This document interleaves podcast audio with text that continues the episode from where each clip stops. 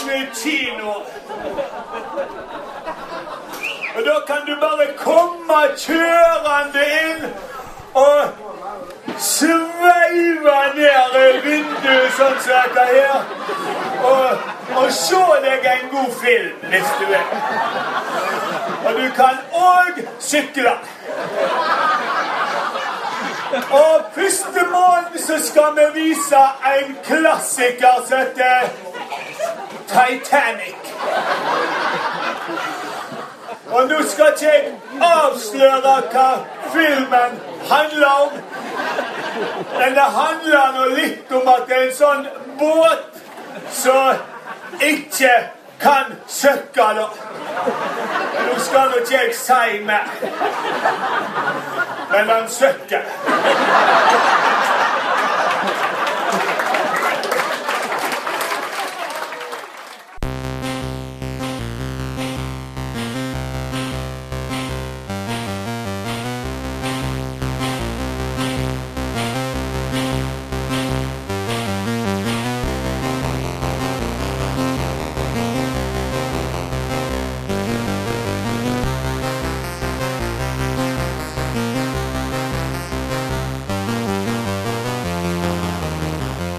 Velkommen til eh, sommeravslutningsepisoden av Lolbua. Det er episode 36 før vi tar et par ukers sommerferie. Velkommen, Lars og Magnus.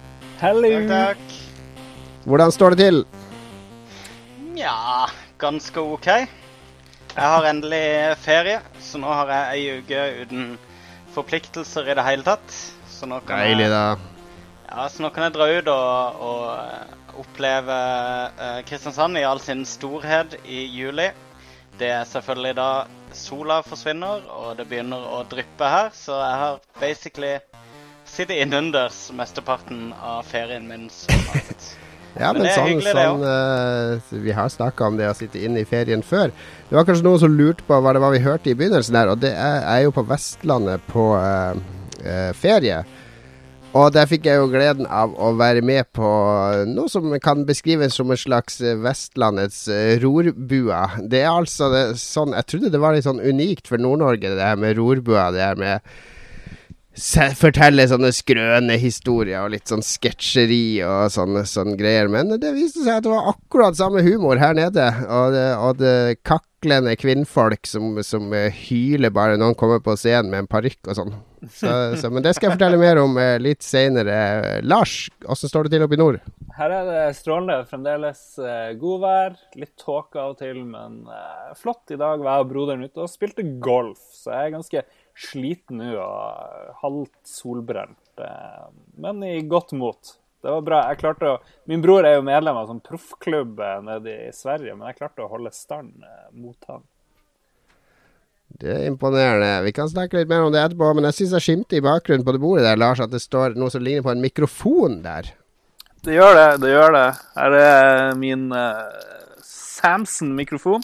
Og like ved siden av, som du ikke ser, er min Elgato Game Catcher. Og et annet sted så sånn Hvorfor har du ikke kobla opp mikrofonen til Lolbua-sendinga, da? Jeg har ikke rukket. Jeg trenger noen ledninger og noe ditt og datt. Og så skal jeg få meg et mm, bitte lite miksebord òg, tenkte jeg. Eh, sånn at jeg kunne eh, ha full kontroll. Kan jeg sende inn sånne morsomme lyder? Sånn som dere hater når jeg Oi, oi, oi, oi, oi, oi. Nei, Ja. nei, hater nei. Ikke det hele tatt. Er dette et Elsker. pålegg fra vår nye sjef eh, Jostein i Red Crew? Ja, han ville jo at vi skulle bli litt mer proff. eh, Rydde oss opp. Jeg legger, jeg legger merke til det, for jeg har jo sagt Jeg sa jo i episode 5-6 at du burde kjøpe deg mikrofon, eh, Lars. Og yeah, yeah, yeah. Og så med en gang vi kommer under Red Crew og Jostein, din uh, bromance eh, eh, la, bare la oss legge det fram i dagen som vanlig. Din, din, eh, du har litt sånn man-crush på Jostein. Med en gang Jostein sier Han sa så vidt på chatten der at ja, det kunne vært litt bedre lyd på Lars ja, det, og Magnus. De hadde nok trengt en mikrofon. Så løper Magnus, Lars ut og kjøper mikrofon. Jeg gjør det. jeg gjør det. På en av våre mange senkveldssamtaler så har han gjentatt det også, så da, da har jeg gjort det. Sånn Pillow talk. Det. Ingen vil tro meg hvis, eh, hvis jeg sier at jeg bestilte den før vi begynte å samarbeide med Radcrew, så det gidder jeg ikke å prøve meg på. Ja, da skal vi insisterer vi på å se en internettkvittering datert før Red Crew-samarbeidet. Yes. Så mye bryr vi oss. Så mye bryr vi oss. Ja, ja. Det her blir i hvert fall siste sending på en stund. Jeg drar eh, til eh, Spanien, eh, ned på sørkysten et par uker på fredag.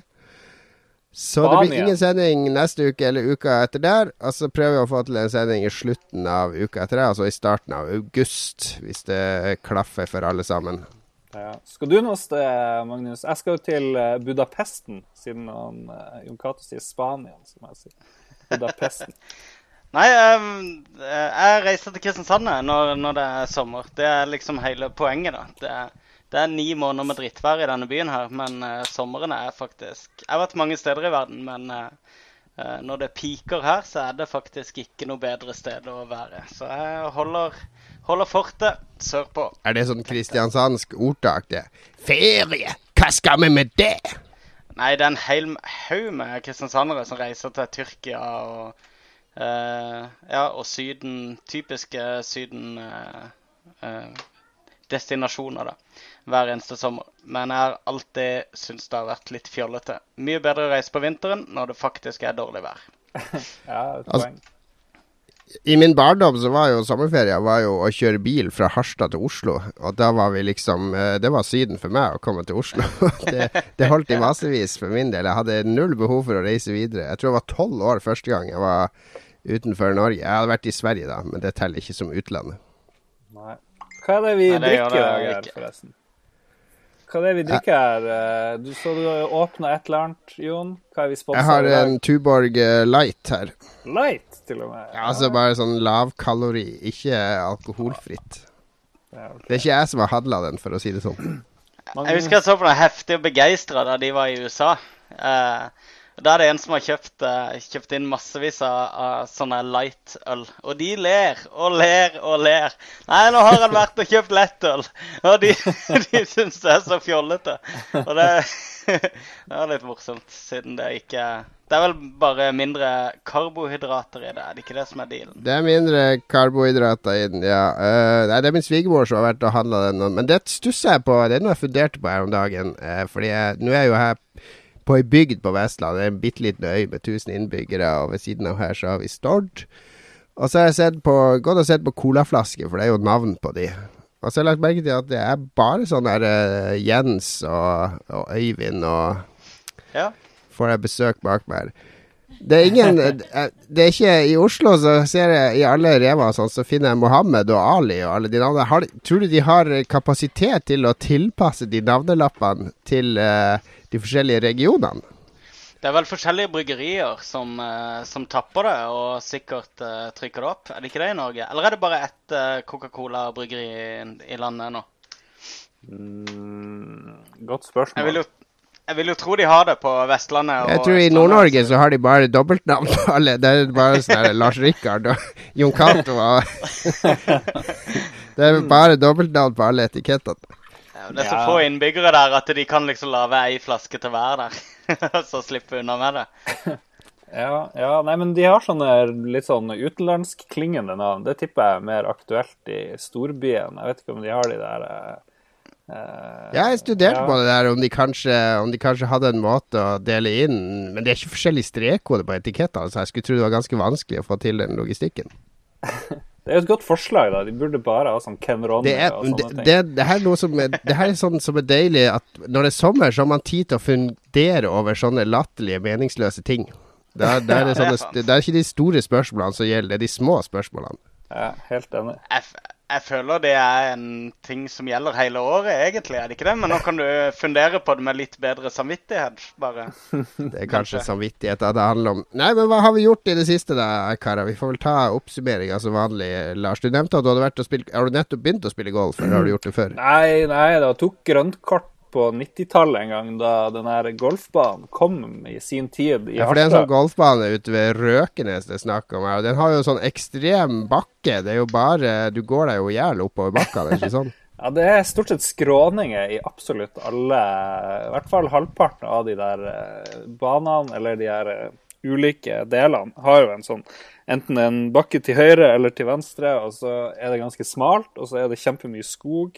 Og så er det sinnssykt mye knott og mygg og flue. Og Er det 9- eller 18-hullsbane? Nei, det er jo 9, da. Det er 9. Ja. Det, er ikke noe, det er ikke noe metropolisk eh, greie. Men den er jo mye vanskeligere enn alle andre golfbaner, så jeg tipper hvis du er god der, så er du god everywhere. Eh, Ja, det har jeg hørt rykter om. ja. Så, men du var aldri der. Men far din drev jo og spilte. Din Ja, salige far. pappa, pappa døde jo på den golfbanen, så det, Gode minner Er det sant? Nei, Han segna om på en green der, men, eh, men eh, både han og mamma spilte veldig mye der. Ja, nei, det, altså, det er første gangen jeg har spilt på kjempe, kjempelenge, egentlig. Og jeg var med min bror, som er på sånn, med en sånn proffklubb nede i Malmö. Hvor det er han som er best i Sverige og av og til best i verden. Han er i samme område og styrer. Tiger Woods? Eh, ja, Tiger Woods. Den svenske Tiger Woods. Altså Hvis du er best i verden, så er du også best i Sverige. Sverige er en del av verden. Nja. Tigerskog, som han heter der borte. Ja. Nei, Det så- kommer tigerstol! Men det var Hvilken gøy klubb å- man skal anvende tigerstolen? Men det var veldig gøy å være like god som broderen på noen hull.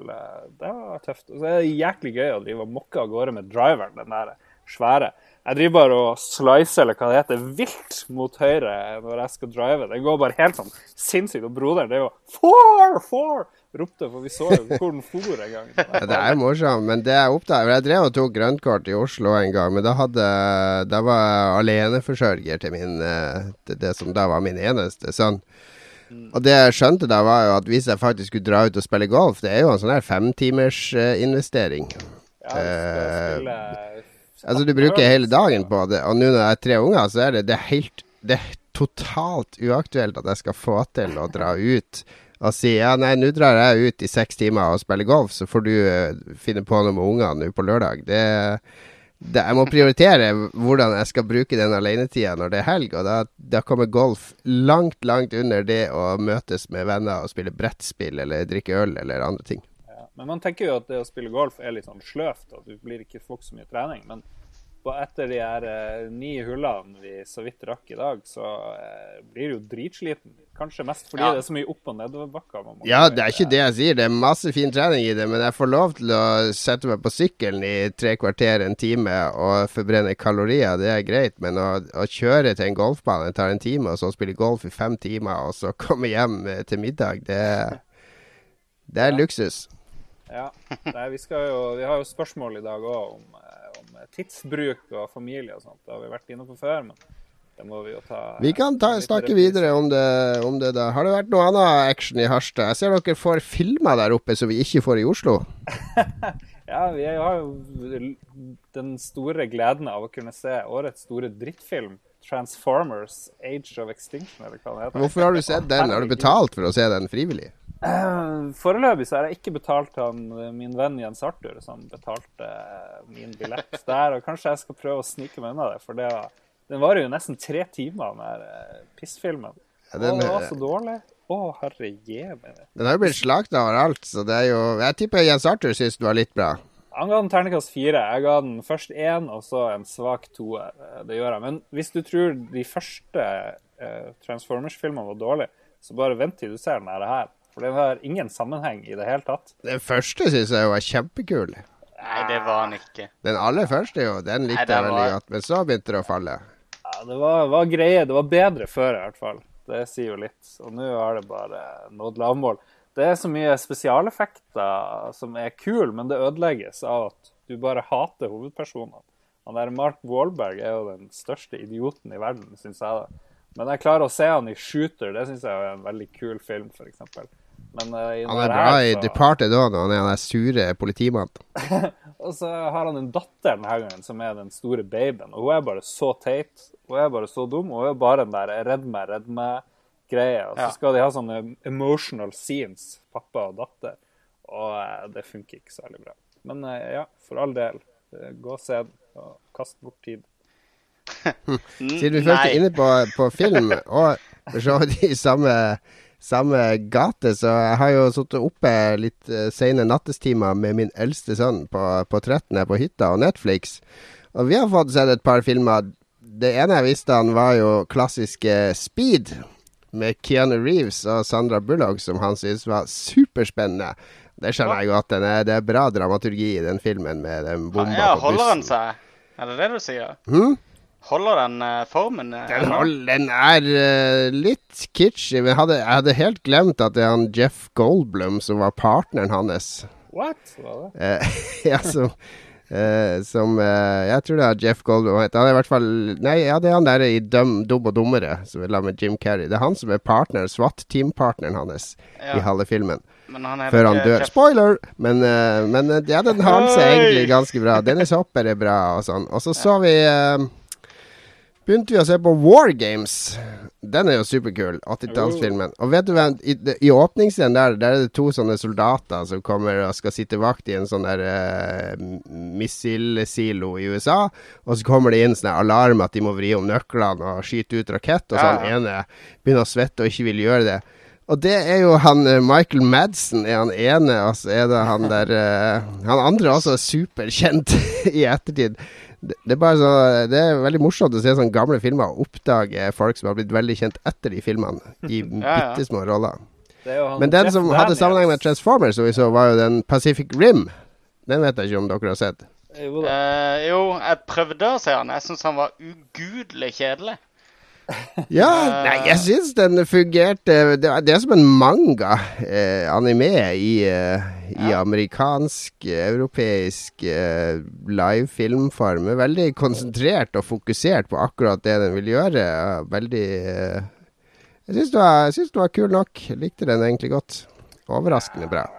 Han het Jeff Daniels, ikke Goldblum. Han som Ja. Ja, Jeff Daniels, selvfølgelig. Jeff Daniels. Ja, ok, så, ja, ja. Så, så det har blitt litt filmseing her på hytta òg. Og så har jeg jo, som jeg nevnte innledningsvis, vært på revy på Stord. Eh, galskap i gågata, eller Gladskap, eller hva den heter. Med Det var et par lokale revyartister og eh, en fra Lompelandslaget som bor i Oslo, som eh, selvfølgelig ble hetsa veldig mye fordi at han bodde i Oslo. Og det var Men det var, eh, det var, det var For det første var det et gedigent fylleslag, da, med langbord. Alle satt ved sånne langbord, og det var veldig flittig ølservering og bonger og sånne ting. Og så var det, var litt sånn rorbuastemning, og det var selvfølgelig sånn sketsjer med kledd seg ut som eh, russer, og, og masse sanger med morsomme tekster. Så var det en del sånne lokalgreier som jeg fikk forklart fra noen ved siden av meg. Selvfølgelig sånne lokalvitser og Eh, egentlig overraskende gøy, det. Jeg føler jeg begynte å bli gammel når jeg ler høyt av revy og sånn. Men, eh, men det det var er det overraskende gi gøy. Men, men det som sjokkerte aller mest, var jo at når det var ferdig, jeg trodde jeg vi skulle gå. Nei da, da fikk vi utlevert sånn gigantisk A3-ark eh, med eh, A3 er det store, ikke det? A5? A3 A3 er. A3 er med 24 sangtekster på. Eh, CC Cowboys-medleyer og eh, Stavanger-Siddis-melodien Tore Tang. Og det var Bjørn Eidsvåg, og det var Born in the USA. Og det var den derre What's Up-sangen fra 90-tallet. Og det var bare sånn allsangfavoritter, da. Grease. Til og med Get Lucky med Daft Punk hadde de klart å få med i repertoaret. Yes. Og når de begynte, det var jo band på scenen og sånn, og folk som hoia i stemning Og når de begynte med de greiene, alle opp på bordene og benkene og sto og skrålte. Det var, det var helt umulig å, å, å ikke bli med i den der gale massen. Det var, det var definitivt ikke allsang på Skansen der alle sitter fint på stolene sine. Her var det fyllefest eh, med, med karaoke for alle på en gang. Det, det var en opplevelse. I uh, Kristiansand hver torsdag så er det noen uh, kompiser av meg faktisk som har et band som heter Radio Jam. Som uh, spiller coverlåter av masse svisker og kjente poplåter. da. Alle sammen er profesjonelle musikere og har Sommer på torvet, heter det. Og da er hele torvet kledd med bord og benker. Og da står Da er det gjerne sånn 40 pluss, alle som er der. Og da er det skikkelig drita fylle allsang hver torsdag hele sommeren. Og folk står på bordene og danser. Og, så det er, det er tydeligvis en sånn sommerting, det der. Rart det ikke er noe sånt i Oslo, altså. Det, det tror jeg hadde Det er jo det, mange men det er bare- folk. Ja, men det er vel, det er vel sånne steder i Oslo òg. Vi Ja, var jo en del det. på det er jo sånn i Oslo, hvis du går på Raga Rockers, det er akkurat det samme. Da står alle og skriker og skråler og kan alle tekstene utenat. Det er jo, eh, det er jo Raga Rockers er jo hele Oslos DDE, er det jo noen som påstår. Eh, Vi hadde jo en liten periode Jon Cato, hvor vi frekventerte eh, Dovrehallen i Oslo. Ja, men det var ikke, det var ikke i nærheten av Ja, det var jo for å det var jo for å le av alle de gamlingene, litt sånn ondsinna. Men nå når vi nærmer oss sjøl, så er jeg egentlig glad for at vi ikke sitter. Uh, ja, riktig. Men Vi det ble er jo jo nekta adgang etter hvert, hvis jeg husker rett. Det er helt korrekt. De ville ikke at vi unge skulle komme og ødelegge moroa for de eldre. What? Ja, vi dukka opp, og vi satt egentlig bare og flirte til Ja, til det stengte. Sni var Snittalderen var jo sånn 70 pluss der. Ja, litt sånn, som, 60. litt sånn som Utheim i Harstad. da. Det er jo en genial uteplass, men der får alle slippe til det. Det var der jeg var og spilte biljard med hun der dama i uh, boblejakke for noen uker siden, da det fremdeles var Ja, hvordan går det med henne? Du er jo singel nå, har du ringt henne? Jeg får fære tilbake på, på Utheim og satse på at jeg møter henne. Men der hadde de DJ som var 70 pluss og sånn, så det, det, det funker. Det er plassen. Nå ble jeg veldig opptatt av hvem som kom ned trappa til Lars. Var det broren min? Kanskje det. Jeg tror det. jeg tror det. Han var påkledd, så det var ingen fare. Vi har eh, hva, eh, Men eh, du har fått besøk av din kjæreste, Magnus. Det har jeg, så nå er jeg endelig ikke ensom her lenger. For hun er fra Kristiansand, hun òg, så det er jo hjemtraktene hennes. Hun er fra Sørlandet, men ikke fra Kristiansand. Det er vel Arendal. ok. Som eh, For der er det akkurat det samme, Jon Cato. Det blir akkurat den samme imitasjonen når du skal gjøre narr av dialekta. Oi, der kom Det er en jo bare å person skarre litt langt bak i halsen. Blir det? Sånn. ja, ja, noe sånn. Men uh, ja, så nå er, vi, eh, nå er vi her nede og tenkte vi skulle ha litt sørlandssommer ei ukes tid. Så det er Du, veldig spis, du, koselig. spiser man egentlig mye sørlandschips på Sørlandet? Ja, det jeg tror jeg. Er Tror det, det er, tar man det kan- foran Måruds hvis man skal kose seg? Altså, Nå kan ikke jeg snakke på vegne av kristiansandere, siden jeg ikke har bodd her på 15 år. Men uh, de selger, eh, det selger godt med sørlandschips her, det gjør det. Jeg husker når Farrell var på Kvarten, nemlig, så mente han at sørlandschips var beste potetgull han hadde smakt i verden. Ja. Det er jo helt fantastisk digg, da. Ja, jeg Er liker det godt, ja. Ja, det, Ja, det? det Det, er litt for sprøtt, liksom. Det er litt for hardt for min uh, sarte munn, det der sørlandschips. Noen burde jo lage en sånn blanding av tørrfisk og potetgull og kalle det nordlandschips. Oi, oi, oi. Jesus Ja, men Det er rart at ikke de har kommersialisert uh, tørrfisk mer, syns jeg. De har liksom prøvd seg i noen butikker, men det er de der trauste nordlending-designene på alt. Jeg skal alltid liksom- være en sånn der fiskebåt med, med Alltid en islender. Det er, eller det er aldri Ja. en islender langt unna når det er nordlendingmat som skal Ja, Vi driver og stereotypifiserer oss sjøl med alle Ja. produktene vi lager. Ja, Nå begynte det å ligne på sånn nordnorsk nærradio, hele opplegget. jeg følte. Ja, men det, det, som er fascinert det som er fascinerende med hele det konseptet, er at eh, Nord-Norge ser ut til å ha et inntrykk av at det er et sånn her image som selger inn i resten av landet. Men det er ikke så veldig sjarmerende, de der eh, veldig siderumpa nordlendingene, syns jeg. Men det er jo ikke bare nordlendinger som styrer med det. Hvis du ser reklamer for ulike produkter, enten det er forsikring eller telefonting, så har de gjerne en sånn nordnorsk stemme. Jeg tror at de er litt mer sånn Ja. folkelige og troverdige enn andre dialekter. I hvert fall i Ja, sånn reklamebransjen så tror jeg de mener det. Og det Ja, ja, ja, stemmer selvfølgelig. Det stemmer jo på ordentlig òg at folk fra Nord-Norge er veldig jordnære. Er det, er det mye er, er folk ærlige der du bor, eh, Lars? Nei, det vil jeg ikke si. Jeg bor jo i borgerlige, sånn høyrevridde Harstad, Frp-aktig, så her er det Ja, er det ikke? Det Kun er løgn. inntrykk at eh, det er veldig mye sånn skepsis der oppe, på tross av denne folkeligheten. og... Nei, men du må jo helt ytterst på kysten til sånn fiskebrukssamfunn og sånn til Honningsvåg og sånn. Der er de mest åpne folkene jeg har møtt ever. Det er veldig gøy.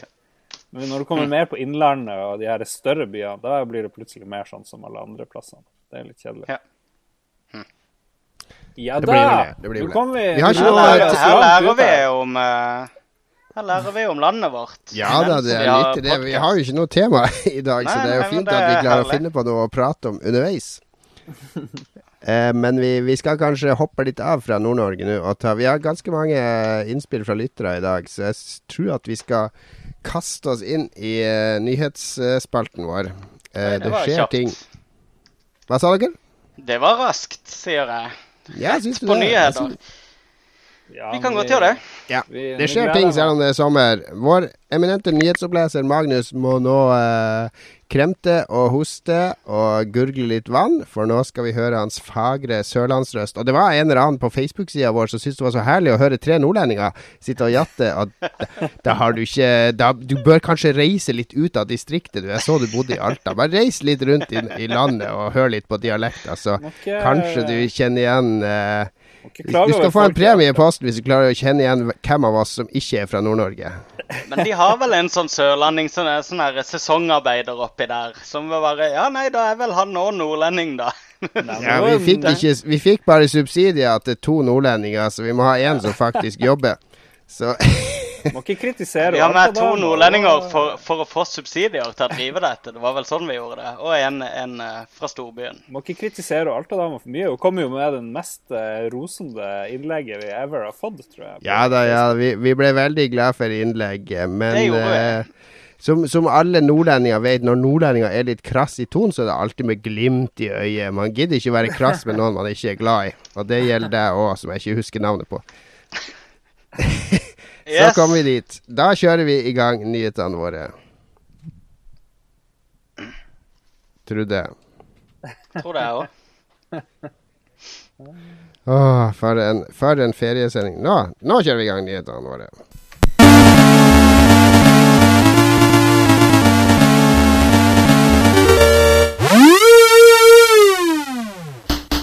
EA treffer nesten blink. Electronic Arts legger som kjent sin ære i spillerdatabasen i Fifa. Og denne helga fikk EAs virtuelle fotballverden måle seg mot sitt virkelige motstykke. Nemlig da fotballfinalen i VM gikk av stabelen. EA gikk nemlig ut i forkant og simulerte hele sluttspillet i Fifa, og offentliggjorde resultatene i god tid før første avspark. Det virtuelle resultatet ble Brasil og Tyskland i finalen, hvor Tyskland gikk seirende ut med 2-1. Ganske, om ikke helt, treffsikkert av EA, med andre ord. Vi håper å kunne bruke Battlefield-serien til lignende predikasjoner i fremtidige internasjonale konflikter. Åh, et lite politisk uh, spark på slutten Ah, der. Boja! Men den har jo Jeg vet ikke om de har truffet så godt hver gang med Fifa, men de gjetter jo uh, alltid vinneren av Superbowl, og der uh, Jeg husker ikke helt, men jeg tror de har vunnet sånn Gjetta riktig sånn 80 eller 90% av gangene har den uh, Madden-spillet klart å, å predikere riktig vinner. Ja, det er ganske decent, da. Men det, det begynner jo å sitte nå med, med de eh, spillerdatabasene. EA legger jo helt idiotisk mye arbeid i det, da. Jeg vet ikke hvor mange, det, hvor mange har de ansatt. Vi kjenner jo en som jobba med det før. Han var vel han slutta for med det fordi at det ikke var så seriøst lenger som det var en gang. Så han, Ja, han jobber jo i Konami nå, eh, Ja, med konkurrenten sitt fotballspill. ja, stemmer. Men han, eh, han var vel ansvarlig for en tre-fire ligaer, mener jeg husker. Eller tre-fire Ja, jeg tror han det eh, egentlig kunne bli ansvarlig for nesten all innsamling. og Han valgte å gå til Konami i stedet. For han, det var en del Ja. ting han var misfornøyd med. Men, eh, men eh, jo da, de legger mye arbeid i det. Og det er jo basert på, på statistikk fra virkeligheten, alt sammen. Og det er jo ganske målbart, mye av det de fotballspillerne gjør. Det så vi jo under VM. De målte jo antall pasninger gjennom hele VM på hver, og feilpasninger og riktige pasninger og alt mulig sånn. Så det er en god del statistikk for de som liker sånt. uh, som det bare er å legge inn i simulatorer. Men er det Football Manager som har liksom mest data? Er ikke de helt sinnssyke å snakke med Jo. spiller, eh, sånne scouts eh, rundt omkring? Og... Var det ikke Arsenal som hadde Arsenal hadde vel en deal med Football Manager, eh, en periode i hvert fall. Hvor de, de brukte aktivt uh, Football Manager til å scoute etter nye spillere. Det er jo helt Det var ganske spesielt. Men det, det, jeg husker ikke hvem det var. Det var en av toppspillere som kom ut da han ble oppdaga i Football Manager. Det er litt kult. Ja, nei, det de, de har alltid vært nøye med det. Bortsett fra at de har boosta opp Everton, gjorde de i mange år. Fordi de to som lagde Championship Manager, de var Everton-fans, så vidt Ja, jeg husker. Så Everton var alltid mye bedre enn de var i virkeligheten. Men, men det er lov når du lager spillet. Det kan du gjøre hva du vil. Men det er gøy å se hvor hvor nærme vi kommer inn på da. At det går an å Men eh, de, de traff i hvert fall på Tyskland i finalen. Eh, Ja, Men hva med Tyskland, da? Hvem var det vi gjetta på eller heia på før finalen? Jeg tror det var bare én av oss som trodde Tyskland skulle ta det inn. Ja, jeg sa Tyskland. Jeg tror jeg sa, sa Tyskland-Brasil, mener jeg å huske. Eh, men det hadde jo ikke gått, for de møttes jo i, uh, i uh, semifinalen. Semifinalen. Det er riktig, Så- det er riktig. Og jeg håpte på en ny Mexico 86-finale, men det tror jeg ikke jeg sa her på eh, Hva heter det? På trykk. Jeg hadde, hadde troa på Tyskland eh, lenge, og det er godt å se at uh, tyske mannskapet klarer presse gjennom. Argentina spilte overraskende bra i finalen, da, det må jeg si. Ja, men det var ikke så gøy Ja. å se på. Jeg, Jo, jeg var det ikke det? Jeg syns det var en kjedelig finale. Nei, finalen var kjempespennende. Det var nerve hele tida. I motsetning til den der semifinalen, i hvert fall. Den der Semifinalen var helt grusom. Ja, men men nei, jeg syns finalen var ganske kjedelig. Hæ? Dere snakker om bronsefinalen. Den var kjedelig, i hvert fall. Den var, Ja, den var jo kjedelig. Men eh, finalen var jo spennende. Så det var, jeg satt jo og chatta med deg jo underveis og fikk jo sånne geniale tyske Übermensch-meldinger bare på tysk. Det var jo eh, det gjelder jo Jeg kombinerer jo sportsing med eh, LARP, eh, litt live action roleplaying, og har på meg en gammel uniform jeg arva etter oldefaren min, og litt sånne ting når jeg ser på Tyskland. Så det, ja. det, er, eh, det gjelder å komme i rette sinnsstemning, men eh, det, det, det slår meg ofte eller det er kanskje stygt å si, men jeg ser på det tyske laget, så klarer jeg ikke å la være å ikke se for meg spillerne i naziuniformer. De ser så ariske og blonde og, og trauste ut, mange av de. Så de, de passer, de glir liksom. Jeg bruker å plassere vil, Ville han vært i Luftwaffe, eller ville han vært i SS, eller Ja, men når du ser sånn som Schweinsteiger, for eksempel, så ser du for Colonel Schweinsteiger? Tenk altså- deg det, da. Tenk deg han kunne fått et navn under krigen. kommandant Schweinsteiger, og så ser du for deg den derre svarte Überstimmbannfører Schweinsteiger. Det er jo kjempestygt, men jeg må innrømme jeg har den samme greia. Jeg plasserer veldig mye. Jeg klipper ut mye ansikter og setter inn i uh, Schinders liste uh, bare rent mentalt når jeg ser uh, Tyskland spille. Jeg siterer bare Wir kan nicht verloren gegen de sudamerikanische Barbaren. Det var vel et Nå er det rett før vi mister vår favorittlytter gjennom alle tider, eh, Jan Christian Hegel, for han tror jeg har tyske aner. Oi sann, oi sann. Han heide vel i hvert fall hardcore på Tyskland under hele eh, fotball-VM. Men det gjorde jeg også. Det var mitt, det var mitt favorittlag i år, så jeg var lykkelig over at de vant. Så den skal du ha, Jan Christian. Veldig, veldig bra. Japan driter i PS4. Mens PS4 leder konsollkrigen i resten av verden, sliter Sony på hjemmebane. PS4 solgte bare 8000 konsoller i siste uke i juni.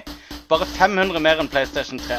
I samme periode solgte Wii 10 000, Vita 22 000 og 3DS hele 27 800 eksemplarer. Morsom vits. Insert. Ja vel? Ja. ja. Ja, Hva det betyr? Um, Japan spiller ikke stasjonære konsoller lenger, sånn er det bare. Det, de, de har gått full, eh, full handheld, heter det vel. Jeg, jeg så det var lagt ut en artikkel på nettet. Jeg fikk ikke lest hele, men eh, eh, hvor de tok for seg uh, forum De oversatte en del sånn her fra 2channel. Er det ikke det det heter? 2chan? Tuchan. Ja, eh, det der japanske spillforumet. Eh, at de oversatte en del poster der om hvorfor folk ikke var interessert i PS4 i Japan. Og eh, nå skumma jeg bare, men, men det virka som veldig mange var sinte for mangelen på på dag én-titler. På eksklusive titler.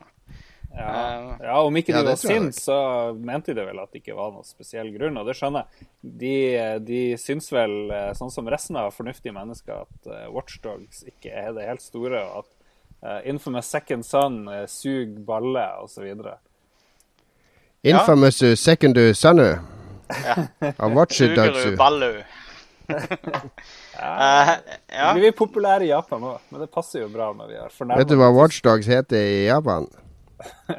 Nei. Voff, voff, alarm.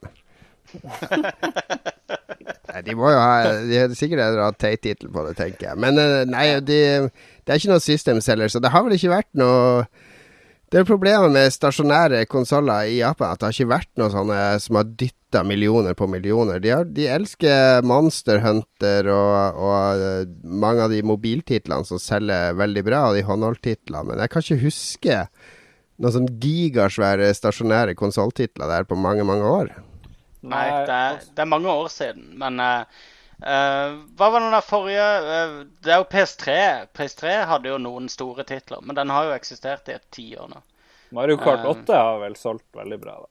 For så. Jo, men er det sånn folk sto rundt hjørnet for å kjøpe Mario Kart? Nei, helt sikkert ikke. Jeg har ikke. sett nøye nok på de listen, men, men uh, mobilmarkedet er giga, gigastort i Japan. Det er derfor Namco og mange andre utelukkende nesten satser på mobil. Ja, nå har jo de annonsert Tekken uh, 7 nå, som vi egentlig ikke har noe egen nyhetssak på, men, uh, men jeg, tror de har mista mye av troa på de stasjonære. Og så er det ikke så mange som utvikler spill til de stasjonære konsollene heller. Sega og Capcom har jo studioer i utlandet som lager spill til de, og, og de store figurene eh, han Megamenn-skaperen og andre De må jo slutte i selskapene sine og starte med kickstarter for å få lov til å lage de spillene de vil til de nye konsollene. Så det Ja. Jo da, det har vel mangla litt på teften på hva folk vil ha, spesielt i Vesten, da. Men nå så kan det vel se ut som de har skjønt litt.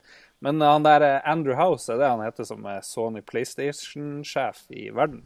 Han prøvde jo å forklare hvorfor det solgte dårlig. Han mente at eh, folk i, mens i resten av verden så bruker vi vår uh, Xbox og PlayStation til å se Netflix og vi var streame og styre på, så var ikke det så veldig stort enda i Japan. De har liksom ikke embracet det her. Fordi f.eks. for Netflix og sånt uh, sliter med å få rettigheter til filmer, og de vil liksom ikke gi fra seg, gi fra seg rettighetene til populære filmer og TV-serier, sånn som det er mye lettere å få til i Vesten. At det er en slags forklaring. Man har ikke en secondary function til de her eh, eh, konsollene, sånn som man har her i Vesten, hvor vi bruker den like mye til å si eh, Xbox, eh, Netflix osv. Ja, det er nok eh, veldig riktig. Det er nok veldig riktig. Men, men eh, det burde jo tilsi i så fall at eh, altså, hvis vi kun brukte konsollene som streamere, da, som Netflix f.eks., så er jo PS3 er ikke det en strengt tatt bedre mediestasjon enn det PS4 er så langt? Med støtte for eh, Er det 3D, Blu-ray og eh, et bredere støtte for streamingtjenester osv.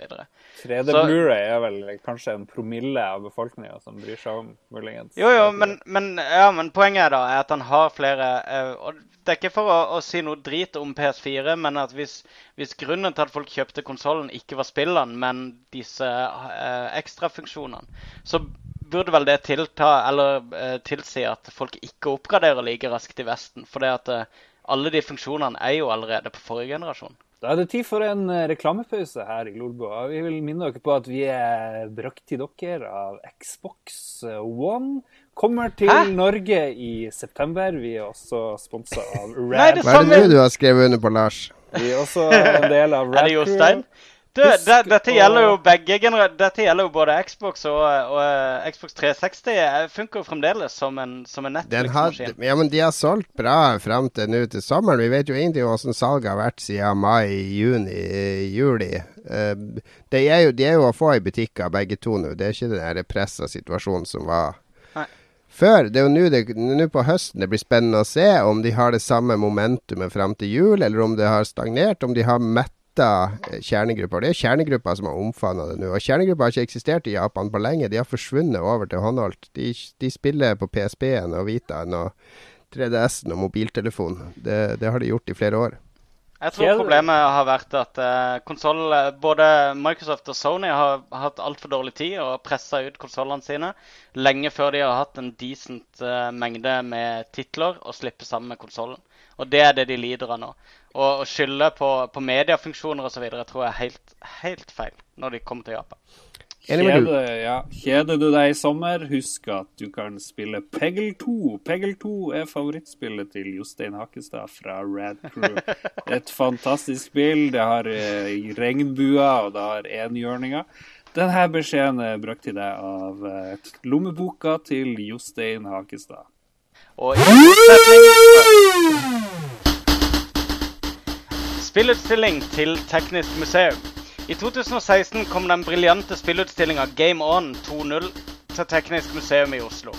Utstillinga inneholder klassiske spillbare spill, arkademaskiner og kuriositeter, og er en briljant hyllest til spill som kulturopplevelse. Utstillinga har tidligere besøkt Sandnes. Lolbua prøver å bli med i utstillinga, men vi ender mest sannsynlig opp på Naturhistorisk museum i fossilavdelinga i stedet. Slett ikke umulig. Ikke, jeg var jo og besøkte den når den var i Sandnes. Det var vel 1-0 fortsatt da, men den var megaimponerende. Det er masse sånne helt autentiske arkadekabinett fra, fra 70-tallet og tidlig 80-tall som du kan spille så mye du vil på. Og masse gamle spillemaskiner som, som det også kjører enkeltspill på, så man kan spille med de originale joystickene og sånne ting. Og, og digre utstillinger og kuriositeter som Densha, The Go og, og japanske særespill. og det var, var en kjempeutstilling. Jeg brukte flere timer der. Uh, det var veldig artig. Så det, det gleder jeg meg virkelig til. Jeg klarte jo å stikke dit. De må jo ha en slags kurator eller noen som har peiling på alt det her, som vi kan intervjue. Ha en spesial eh, retrohistorisk sending. eh, Ja, men jeg så at Teknisk museum var interessert i å få til events oppe på Teknisk museum eh, rundt det her, så her ser øynene muligheter både for Lolbua, men også for spillquiz med Magnus og Jon Cato. At vi kanskje kan få til noe der for kids en eller annen lørdag. Og... Det hadde vært fantastisk. Hvor Så, mange men det er altså ikke er det før i i 2016. Det er Ja, det er ganske lenge å vente. Det er Ja. halvannet år til. Ja, Mulig Ja. vi blir ferdige med, med quizen i forkant da, og slipper å jobbe samme dag som vi skal ha den. Aldri, Nei. aldri. Vi skal Aldri alltid gjøre det ferdig i siste liten. Ja, ja. Det er sjarmen. Men jeg har mest lyst til å ta med Vi har jo en felles venn som heter Kjell Gunnar, og han er jo en ivrig samler av spill. Jeg har lyst til å ta med han dit og se han gå rundt og lete etter uh, eieren, så han kan legge inn bud på det og det og det, og spørre spør om han er interessert i å bytte det mot det. Ja, absolutt. Han, eh, jeg vet ikke om Kjell Gunnar hadde likt seg på et sånt sted der han vet at han ikke kan kjøpe det som han mangler. Jeg tror nok han får kjøpt noe likevel. Vi kjenner jo Kjell Gunnar, gjør vi ikke Han pleier alltid å finne en, eh, en, eh, en skjult dør der du ikke tror det skal være en dør.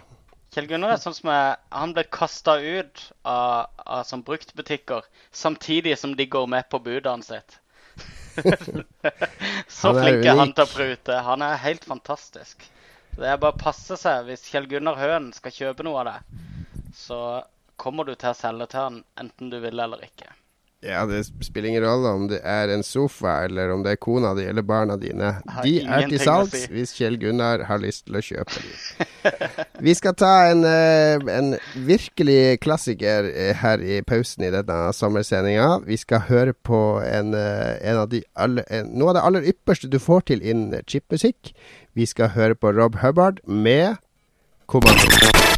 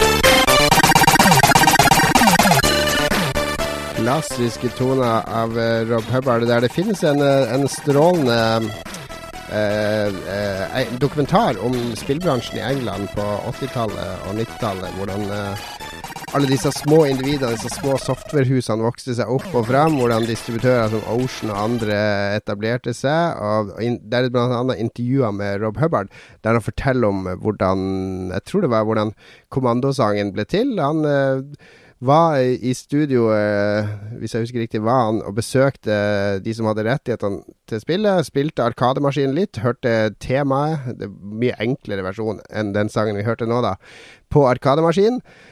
Uh, spilte spillet noen timer, og så rakk han ikke siste toget hjem til Newcastle, så han satt bare på kontoret natta der og komponerte sangen. Så var den ferdig i femtida på morgenen, og så gikk han på morgentoget hjem. Så da var den musikken ferdigkomponert på fire og en halv time. Uh, han var geni, Rob Hubbard, egentlig. En stykk sang, takk. han, han vrei ting ut av den lydskipen på Commodore 64 som var helt herlig å høre på. Vi har kommet til lytterspalten vår, og vi har, vi har vel sendt ut eh, Vi har spurt folk hva de spiller i sommer. Er det det du spurte om på Facebook, Lars? Eh, ja, jeg gjorde det. Og altså, eh, du, vi spurte vel òg om hva vi skulle snakke om generelt, så vi har fått litt sånn forskjellig. Både hva folk har spilt, og hva de lurer på ellers. Ja. Skal du Perfekt. begynne, Lars? Pløye gjennom? Ja, skal vi se. Jeg driver bare og lager en liste over store spill som kommer, for det har vi fått et spørsmål om. Vi kan begynne med Eh, han Torben Dahl, som jeg ikke vet om vi har fått spørsmål fra før, men det har vi kanskje gjort. Han lurer på hvilket spill eh, vi anbefaler til en vennegjeng som skal samles for å kose seg i sommer. Han venter gjester. Og eh, ja samles for å kose seg. Da, vi, da, går vel du rett på brettspill og hopper over dataspill, gjør du ikke det, Jon? Ja, jeg, jeg syns uh, i sosialt lag med, med folk, så syns jeg egentlig brettspill gjør seg best. Det er mye morsomme brettspill Uh, du kan sjekke ut mine anmeldelser på gamer.no hvis du har lyst til å finne noe. Men hvis du skal spille litt dataspill i festlig lag, så i sommer ville jeg vel gått for Mario Kart uh, eh, 8, faktisk. Mm, det er lettspilt og moro og veldig artig med fireplayer split screen. Ja. I det siste, eller siden broderen kom, så har vi stått og spilt FTL i lag. Det funker jo òg. Det er jo ikke noe sånn familiespill og flere sitt, men det er litt sånn gøy å følge med på. Så kan man overta eh, paden hvis man spiller det på iPad. For det funker veldig veldig bra der, da. Uh, nå røper ja, det, jeg Men jeg har aldri tenkt på å spille det to. Nei, men det er ganske gøy, da. Det er det. Men uh, ja. Det, det, første jeg kom på jeg spurte hva man skulle spille, det er jo hvis alle har sånn her iPhone, så er det jo det der hvor man sitter og har hver sin iPhone eller iPad og styrer sin del av et sånt romskip så må man rope ut kommandoer til de andre. fordi man ah, kan ikke Space gjøre det Team, ja. Spa hvis du Ja. Space Team er las gratis å laste ned òg, og det, det, det, er et briljant flerspillerspill som alle kan spille. Selv folk som hater spill, de digger Space Team. Eh, det går bare ut på at har, alle har et kontrollpanel hver på sin skjerm, og så har alle kontrollene Det er som brytere eller skruknotter eller knapper, og de har sånne tullenavn. Incapacitator, uh, flux condensator og, ja, og, og B tractor beam alert. Og så, og så, kommer det en sånn ordre der på skjermen. Tractor beam alert on. Altså Hvis ikke du har den kontrollen, så er det en annen som har den på sin skjerm. Men det er bare du som har fått ordren, så da må du rope den ut i rommet, da. Så han som har den, klarer å slå den på. Og på den måten så blir det bare et salig kaos av folk som sitter og roper ordrer ut hysterisk. Og kommer det en asteroide, hva gjør man da? Hva må man gjøre da, Lars?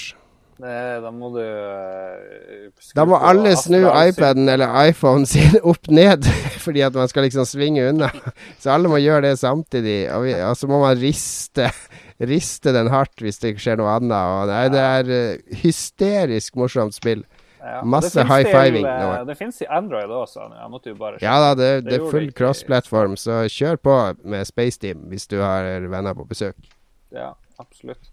Eh, Magnus, hva er ditt favoritt eh, flerspillerspill i sommer? Hvis du skulle jeg går nok eh, ak Akkurat i sommer så har jeg kanskje ikke noe eh, preferanse, men jeg er jo enig med Mario Kart. Det går rett på racing og Sportsspill generelt er en av de som syns OL-spill er gøy, uh, så lenge det er mer enn én i stua. Så jeg hadde nok endt opp med det også, vil jeg tro, hvis jeg skulle ha noen på besøk.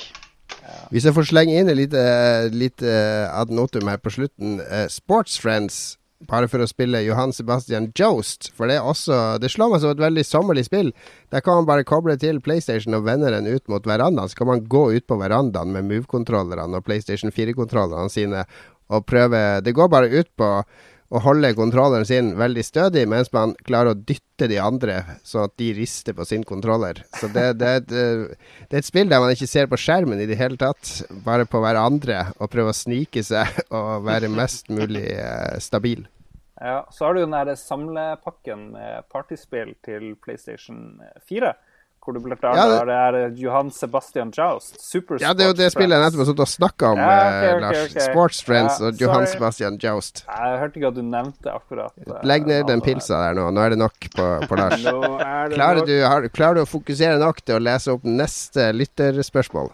Vi må ta en uh, reklamepause først. Vi er som sagt sponsa av Rad Crew i dag. Ah, og Isbjørnpils. Isbjørnpils fra Mack Kjempegodt. Drikk det mens du spiller Peggle 2. Verdens beste spill. Skal vi se. Neste spørsmål. Eh, nei, da fikk vi et eh, forslag på hva folk driver og spiller. Og de skriver uh, uh, uh. Skal vi hoppe over her?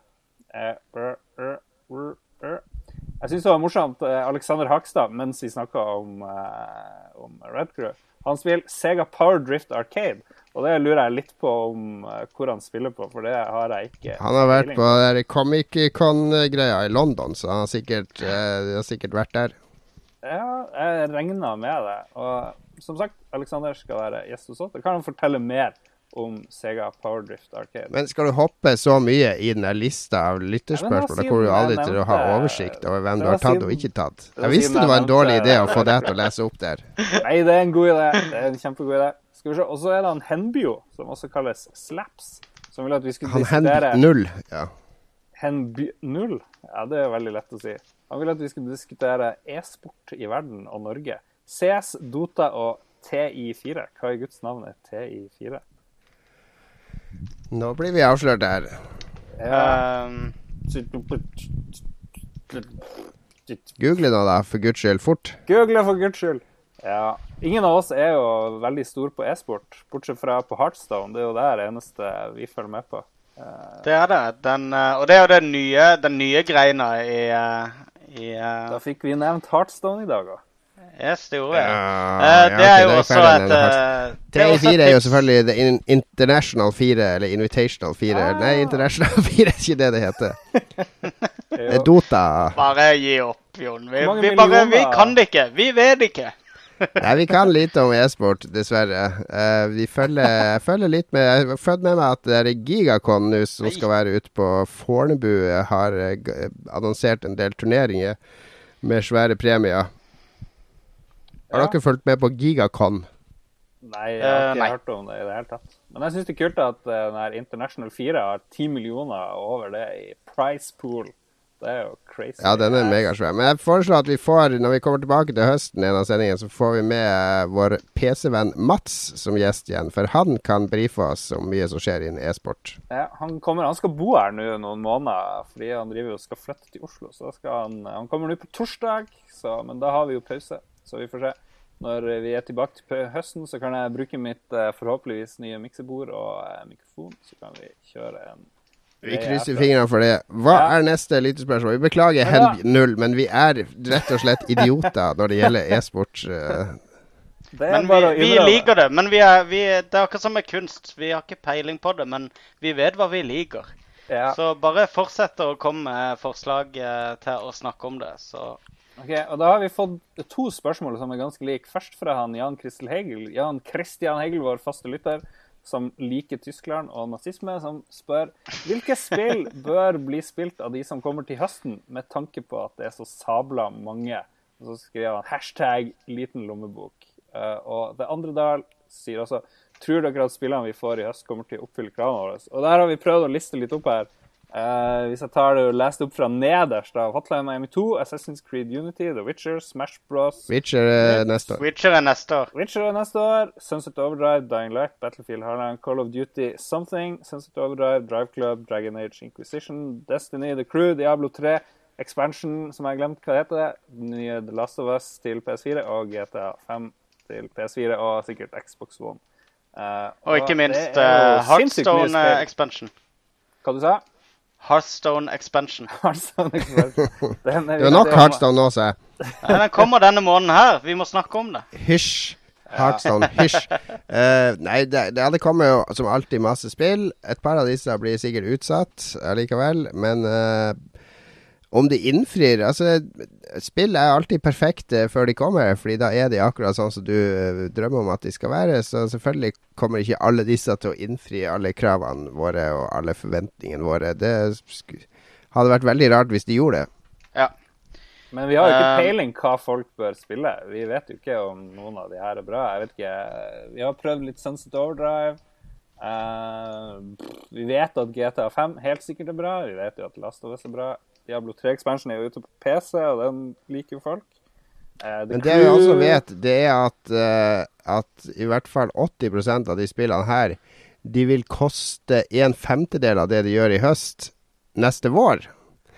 Så du kan kjøpe fem Hvis du bare har råd til å kjøpe tre av disse spillene i høst, så har du råd til å kjøpe tre ganger fem, altså 15 av disse spillene hvis du venter til våren.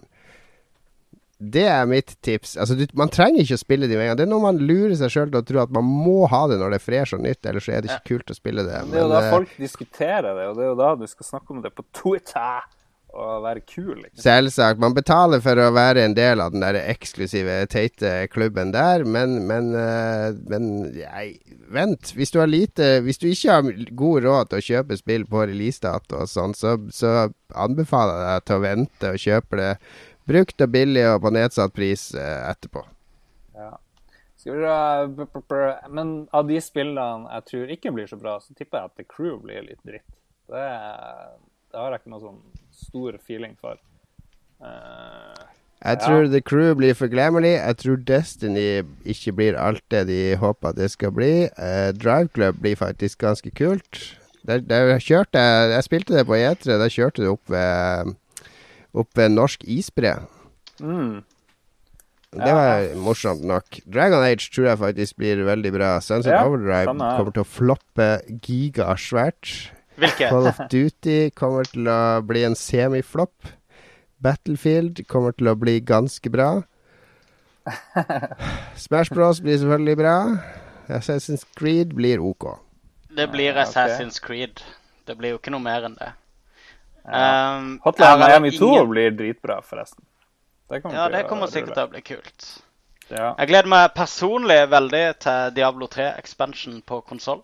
For jeg har holdt meg fra å spille PC-versjon frem til Den er bra. Den den gjør mye bra for PC-versjonen. Det skal Ja. den ha. Er... Neste spørsmål. Lars Rikard Olsen. OK, det her er til deg, tenker jeg, fra uh, Twitter-navnet Folkekrav. Altså der skjuler Sigurd Langseth seg bak. Og han lurer på hvordan konver- konvertere gode brettspill til å bli gode dataspill. Det er et veldig godt spørsmål. Jeg er veldig glad for at du spurte om akkurat det, fordi eh, Skal vi se hva jeg skriver her. Neida, det det er ganske vanskelig, for jeg har spilt ganske mange brettspill i uh, iPad-versjonen. Og det er nesten alle er dørgende kjedelig. Selv hvis du spiller med flere og driver og sender iPaden imellom. Vi gjorde det på vei til USA, meg og, og to To av de reisefølget, vi spilte sånn bybyggespill på, på iPaden. Og du, du mangler helt den greia der du sitter og fikler med komponenter og studerer motstanderne og all den smalltalken og chit-chatten og drittpraten mellom spillerne. Det sosiale forsvinner med en gang det blir, blir sånne rene konverteringer. Så jeg tror egentlig de beste brettspillene er de som lages om til dataspill. Altså som forkaster brettspillkonseptene og, og bare beholder konseptet. Eh, eller grunntanken eller grunnideen i spillet og lage et dataspill ut av det. F.eks. FTL har mange brettspillelementer i seg, men er laga som et dataspill. Det kunne også fungert som et brettspill med timere og terninger og random-funksjoner når folk kommer og branner skal spre seg, og hvilke fiender som skal dukke opp.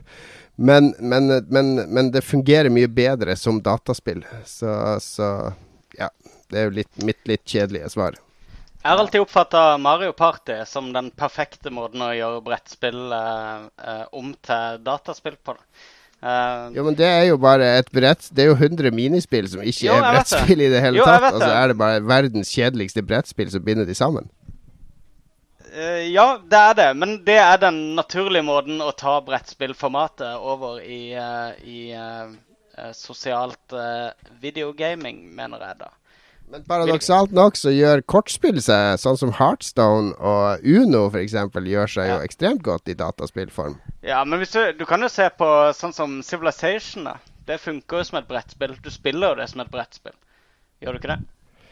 Nei, fordi du har en AI, ikke sant. Og det du ikke har i et uh, brettspill ikke hvis du er, eh, du, har, det har, du har en del brettspill med, med AI, eller med regler for hvordan uh, data eller brett enheter, fiendtlige enheter som ingen av spillerne kontrollerer, skal bevege seg eller oppføre seg, og tabeller man skal slå på for hvordan de skal oppføre seg, og hva de skal gjøre, og hvem de skal angripe, og sånn. Men det, det blir aldri så komplekst eller dynamisk eller naturlig som i et uh, strategidataspill der du spiller mot datamotstandere.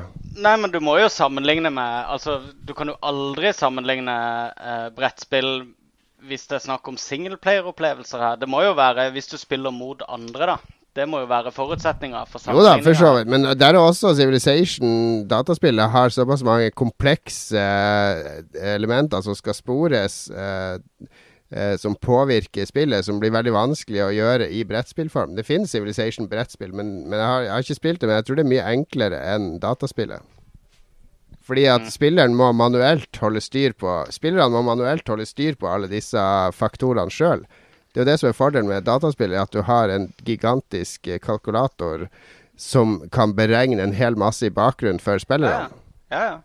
Men, det, men det er jo et eksempel da på at formatet fungerer på, på begge plattformer. Både i virkeligheten og på computere.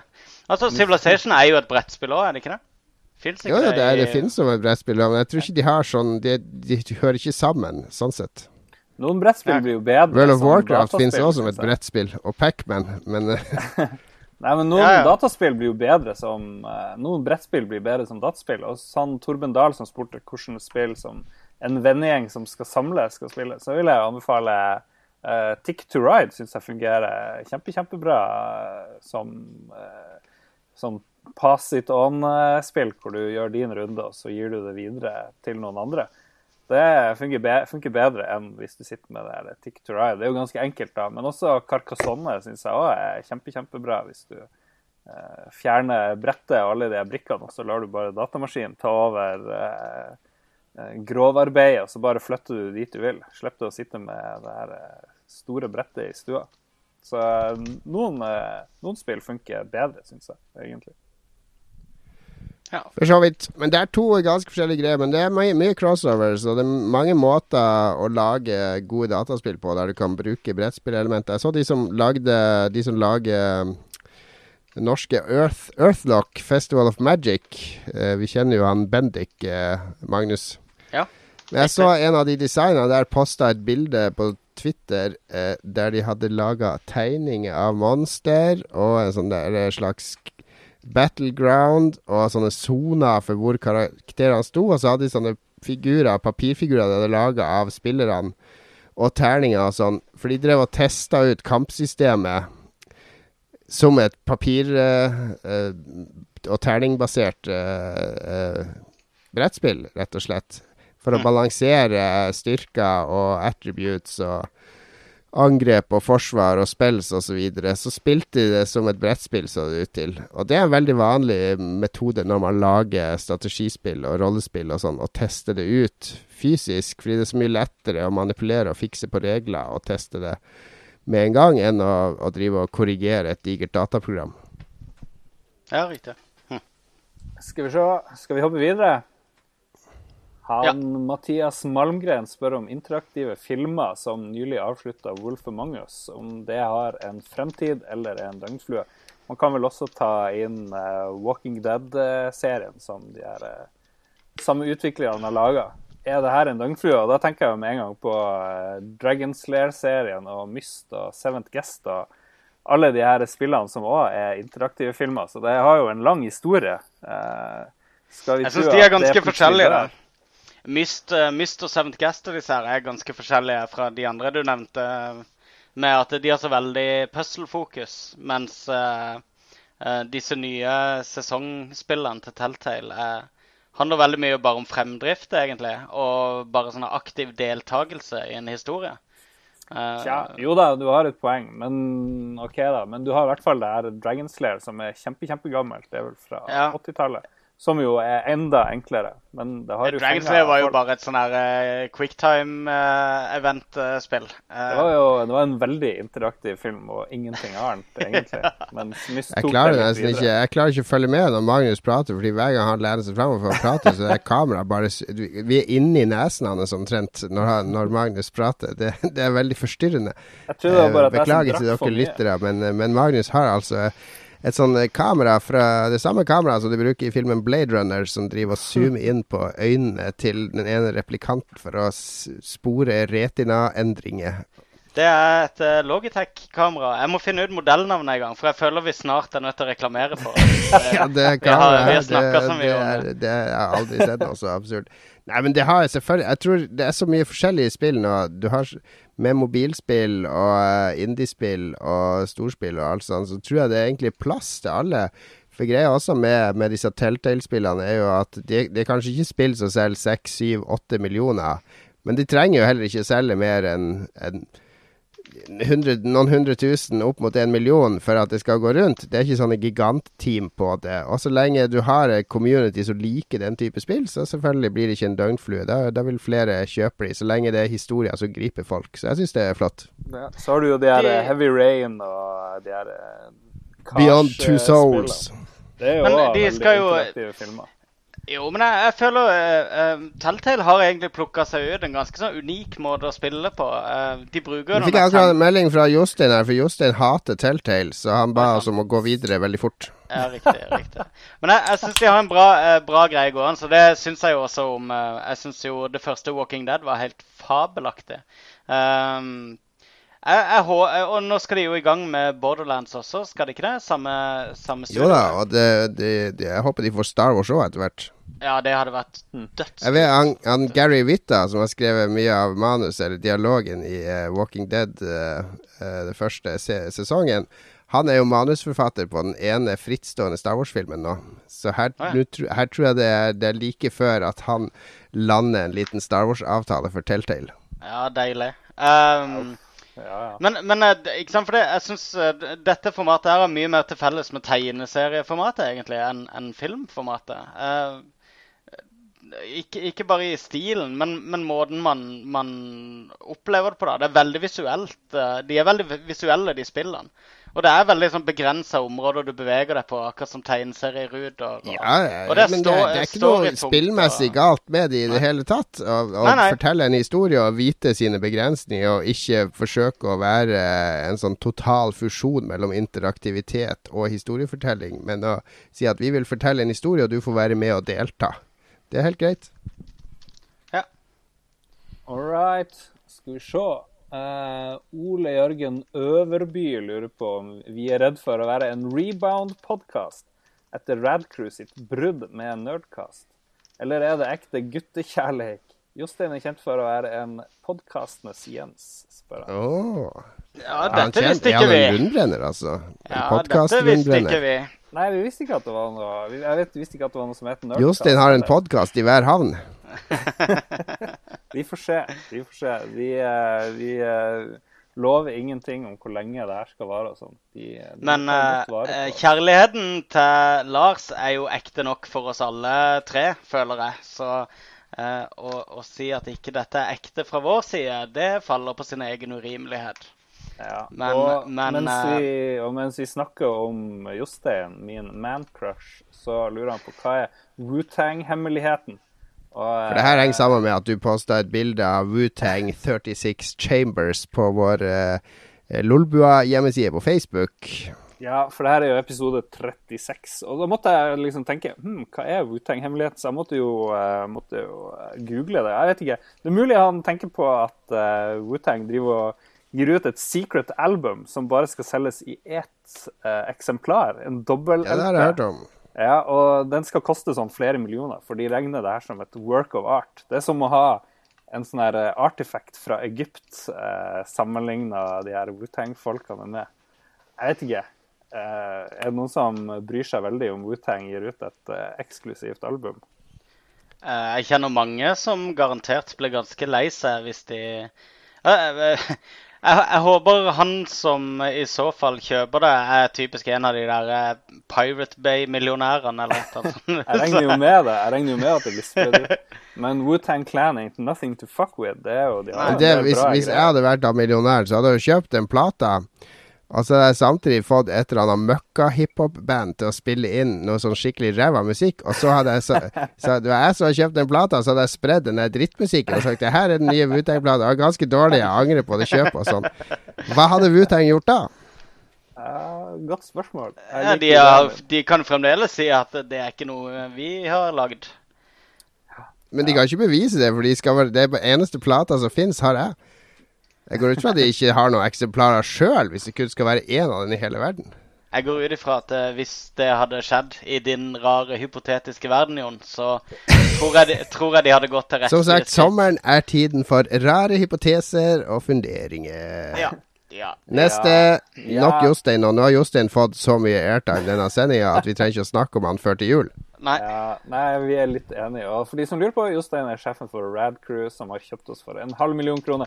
Neste spørsmål kommer fra Tor Erik Gundal, som egentlig ikke er et spørsmål. Han sier at han har kost seg med Spintire, som Jon snakka om i forrige sending.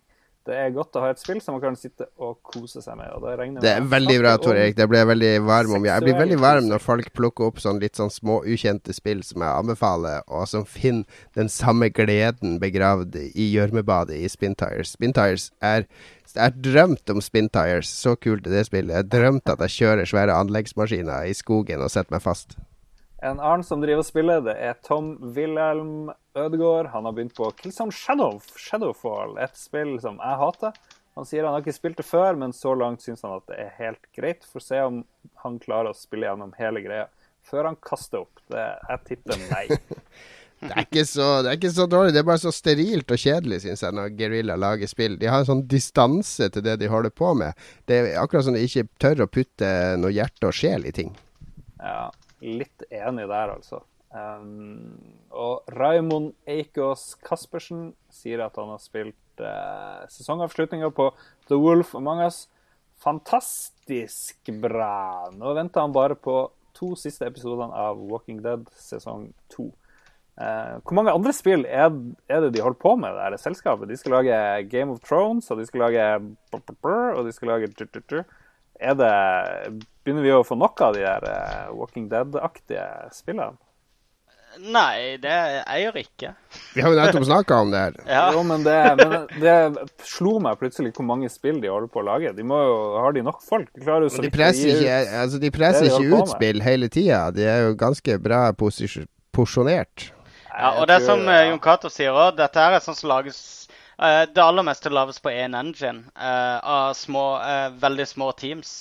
Så de har ingenting investert i det, hele, i det hele tatt. Det er derfor jeg snakker om det der med eh, tegneserier, eh, den sammenligninga der. Det kan godt, Mm. For min del kan det godt bli dritmange sånn type eh, tolkninger av forskjellige spillverdener. Det er bare kult, det. Det er som å ha tegneserier som baserer har- seg på Da håper jeg de klarer å få en ny engine som klarer å rendre og spytte ut grafikken uten at det hakker annethvert sekund. sånn som de Ja, men det Men, men hvis vi først med- snakker om Telltale, det jeg savner mest, er jo en Puzzle Agent 3.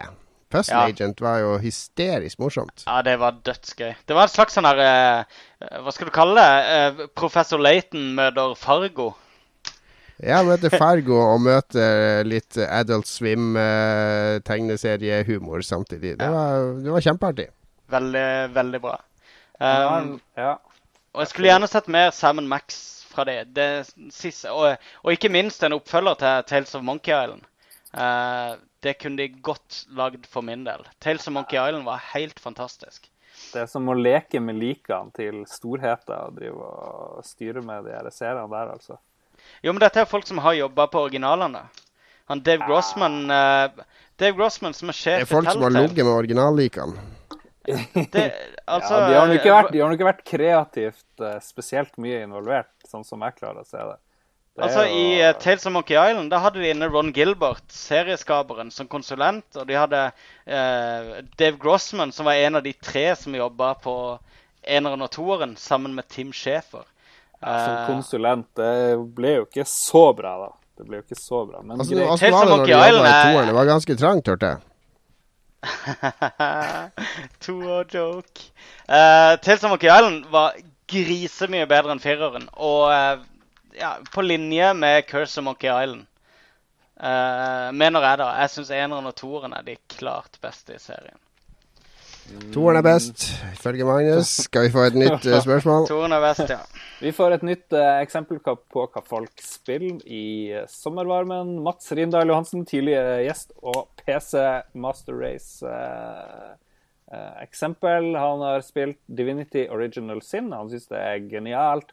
RPG med solid regelsystem og gameplay som minner veldig om Baldur's Gate, Neverwinter Nights og TOEE, som jeg ikke vet hva er. Hva er TOEE?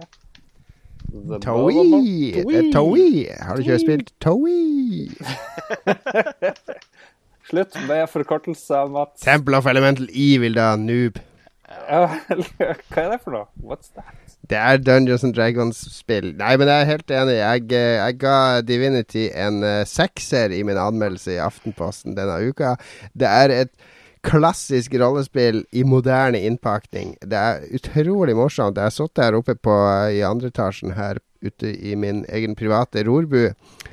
Og eh, jeg var veldig nervøs når jeg spiller det, fordi alt kan skje. Hver kamp er superspennende. Det er masse taktikkeri. Og så er det så lekent. Det, der, eh, det vil hele tida at du skal leke og prøve deg fram. Og for eksempel, du kan tilkalle regn så fiendene blir våte, og da kan du sende lyn på de, så gjør lynet mye mer skade fordi de er våte. ikke sant? Det er hele tida sånn elementlek. Og smart bruk av teleport og, og telekinesis og sånne ting. Jeg kan en kiste jeg ikke får tak i, kan bare teleportere en dude bort til der den kista er, og så åpner han den, og så teleporterer han tilbake. Og, og Nei, supersmarte løsninger og ma masse forskjellige fremgangsmåter for å løse quests og oppdrag. Så Mats, to tomler opp. Det er uh, sånne spill som gjør man glad for å, å spille på, eller å være PC-gamer. Jeg kan skjønne at du, eh, du liker det spillet godt. Og så er det énplayer, og det er jo genialt for vi som ikke Ja, det er også multiplayer over eh, nett, så man kan ko ja. spille co-op. What? Ja, OK. Eh, så har vi ett spørsmål igjen, og det går jo rett på dere som eh, fremdeles har dame slash kone. Og, eh, men Jon, kan du finne en Jeg syns vi må ha en, et musikkbidrag før vi går over på, på ting vi har spilt i det siste. Fordi uh, Isbjørn og Mac gjør at jeg er nødt til å Ja, ja, ja. nesen Jeg skal finne det, Bare du pudre tar spørsmålet fra Erling imens. han Erling Rostvåg, som kan finnes på Twitter på Rostvag. Han spør hva er våre beste tips for å tid til spilling og familie slash dame. Hilsen to som straks blir tre. Mitt eh, kjappe tips er jo kvitte deg med dama, og skyld deg eventuelt slå opp med en gang. For livet blir aldri det samme. Du, får, du kan ikke sitte og spille så mye som du vil. Det blir bare problemer. Hva er Magnus sitt råd?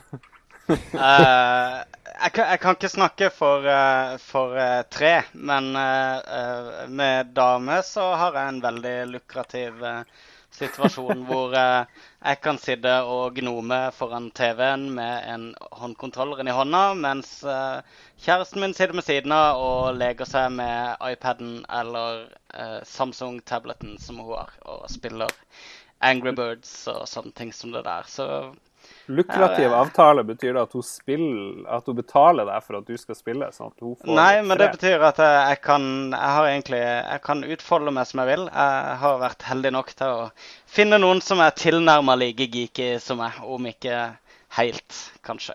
I hvert Men er tolererer men utfordringa til Erling her, og hei til Erling forresten. Erling er jo eh, egentlig Dette er jo med barn. han en, en del av vår, våre konkurrenter i Det er han, så vi burde egentlig gi tips. tips. Vi burde Jo, ikke gi tips til fienden. Vi hjelper alle. Alle kommer inn i Lolbua. Ja. Her er det høyt under taket. Greia, Erling, er at uh, når du får dame, så blir uh, din personlige fritid korta inn. Når du får barn, så blir det enda mindre personlig fritid. Og det handler om at man må prioritere hva man vil gjøre i fritida. Erling er jo han sitter jo Han er vel talsmann for Vålerenga-klanen og sånn, så han brukes veldig mye tid på å følge Vålerenga og gå på Vålerenga-kamper og sånn, og det er helt uh, genialt, det. Men, men, poenget er at du må prioritere hva du skal bruke tida di på når du får familie og barn og unger.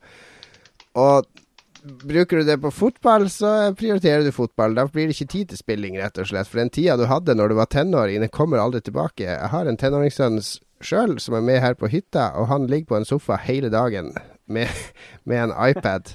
Oi, oi, oi, dårlig og kan egentlig spille alt så mye han vil hele tida. Og uh, jeg, jeg misunner jo all den tida han har til å bare sitte og, og, spille. Men den tida får jeg aldri tilbake uansett, så man må bare prioritere, rett og slett. Men det finnes en del lure triks. Det er mye kult å spille på iPad, mens de andre bruker TV-en. Og har du VU, så er det mange kule VU-spill som du kan spille rett på, på VU-kontrollen. Det har jeg gjort når min uh, kone har brukt TV-en så kan jeg spille Mario Kart på VU-kontrollen. Og det, opplevelsen er like kul der som, som på TV-skjermen. Ja. Godt. Men eh, Jon, jeg, jeg, er jo sinnssykt imponert over hvor mye du får tid til. Du har quiz, og du har uh, rollespilling, og du får tid til podkast, og du får tid til å anmelde ting. Det er jo greit, du har jo ikke noe vanlig dayjob. Du sitter jo bare hjemme i trusa. Ja, jeg jobber mer enn de fleste med en vanlig dayjob, takk skal du ha. Men du må jo ha en ufattelig forståelsesfull eh, dame, og Synne må jo være helt unik, tenker jeg da. Eller hvordan funker det der? Jo, men jeg har jo greia mi at jeg kan sitte hjemme i kontortida og spille spill som jeg skal anmelde, ikke sant. Så jeg har veldig lite tid til å spille sånn spill på fritida som ikke er jobbspill. Mm, ja. Men er det sånn at du har liksom OK, nå skal jeg ut og spille rollespill, eller jeg skal ha quiz, eller whatever. Da får du liksom eh, Da tar jeg ungene eh, neste dag, og så ser vi aldri hverandre. Nei, Vi har ikke sånn det? regnskap, men jeg har, jeg har annenhver torsdag er det rollespill, og så er det én gang i måneden har meg og Magnus quiz. Men så er det jo en kveld i uka har vi sånn lolba, men da er jeg jo hjemme, så det er ikke så mye så farlig, det, da. Men, men, da, uh, men det er bare å ha sånne avtaler på, på faste ting man gjør. Så det, ja. det Jeg går jo aldri ut, f.eks., sånn som andre gjør. Ja, men det, det, jeg vet jo mange De forsvinner jo med en gang de får unger, for da, da skal de kun henge med familien og sånne ting. Det, jo, men det, det, er også bare tull. Det er jo bare å ta med seg ungene. Jeg hadde jo med meg, når jeg var alenepappa, hadde med meg ungen min overalt. Jeg dro ikke på fylla med han, men jeg dro og besøkte kompiser og spilte med de, og han var med en time og to, og så dro vi hjem igjen. Det er jo bare å inkludere de i det du har lyst til å gjøre, i stedet for å si at nei, nå kan jeg ikke gjøre noe for jeg har fått unger. Gode tips fra Jon. Og så fikk vi et eh, last minute-spørsmål for eh, ett minutt siden fra Eivind Johnsen. Det er selvfølgelig ikke et spørsmål, men bare hva han holdt på med i det siste. Valiant Hearts, The Great War. Eh, enkelt og greit i varmen med beina på bordet. Det syns jeg høres ut som en genial True that, true that. For uh, til ære for Lars sin blære. Tusen takk for alle som har sendt inn spørsmål og bidrag. Det blir flere og flere hver gang, har jeg inntrykk av. Og det er veldig hyggelig. Og... Veldig bra. Uh, til ære for Lars sin uh, stappfulle blære, nå så skal vi kose oss med en skikkelig sommerballadeklassiker. Det er nemlig Legendary Theme fra klassiske Gitaru Man.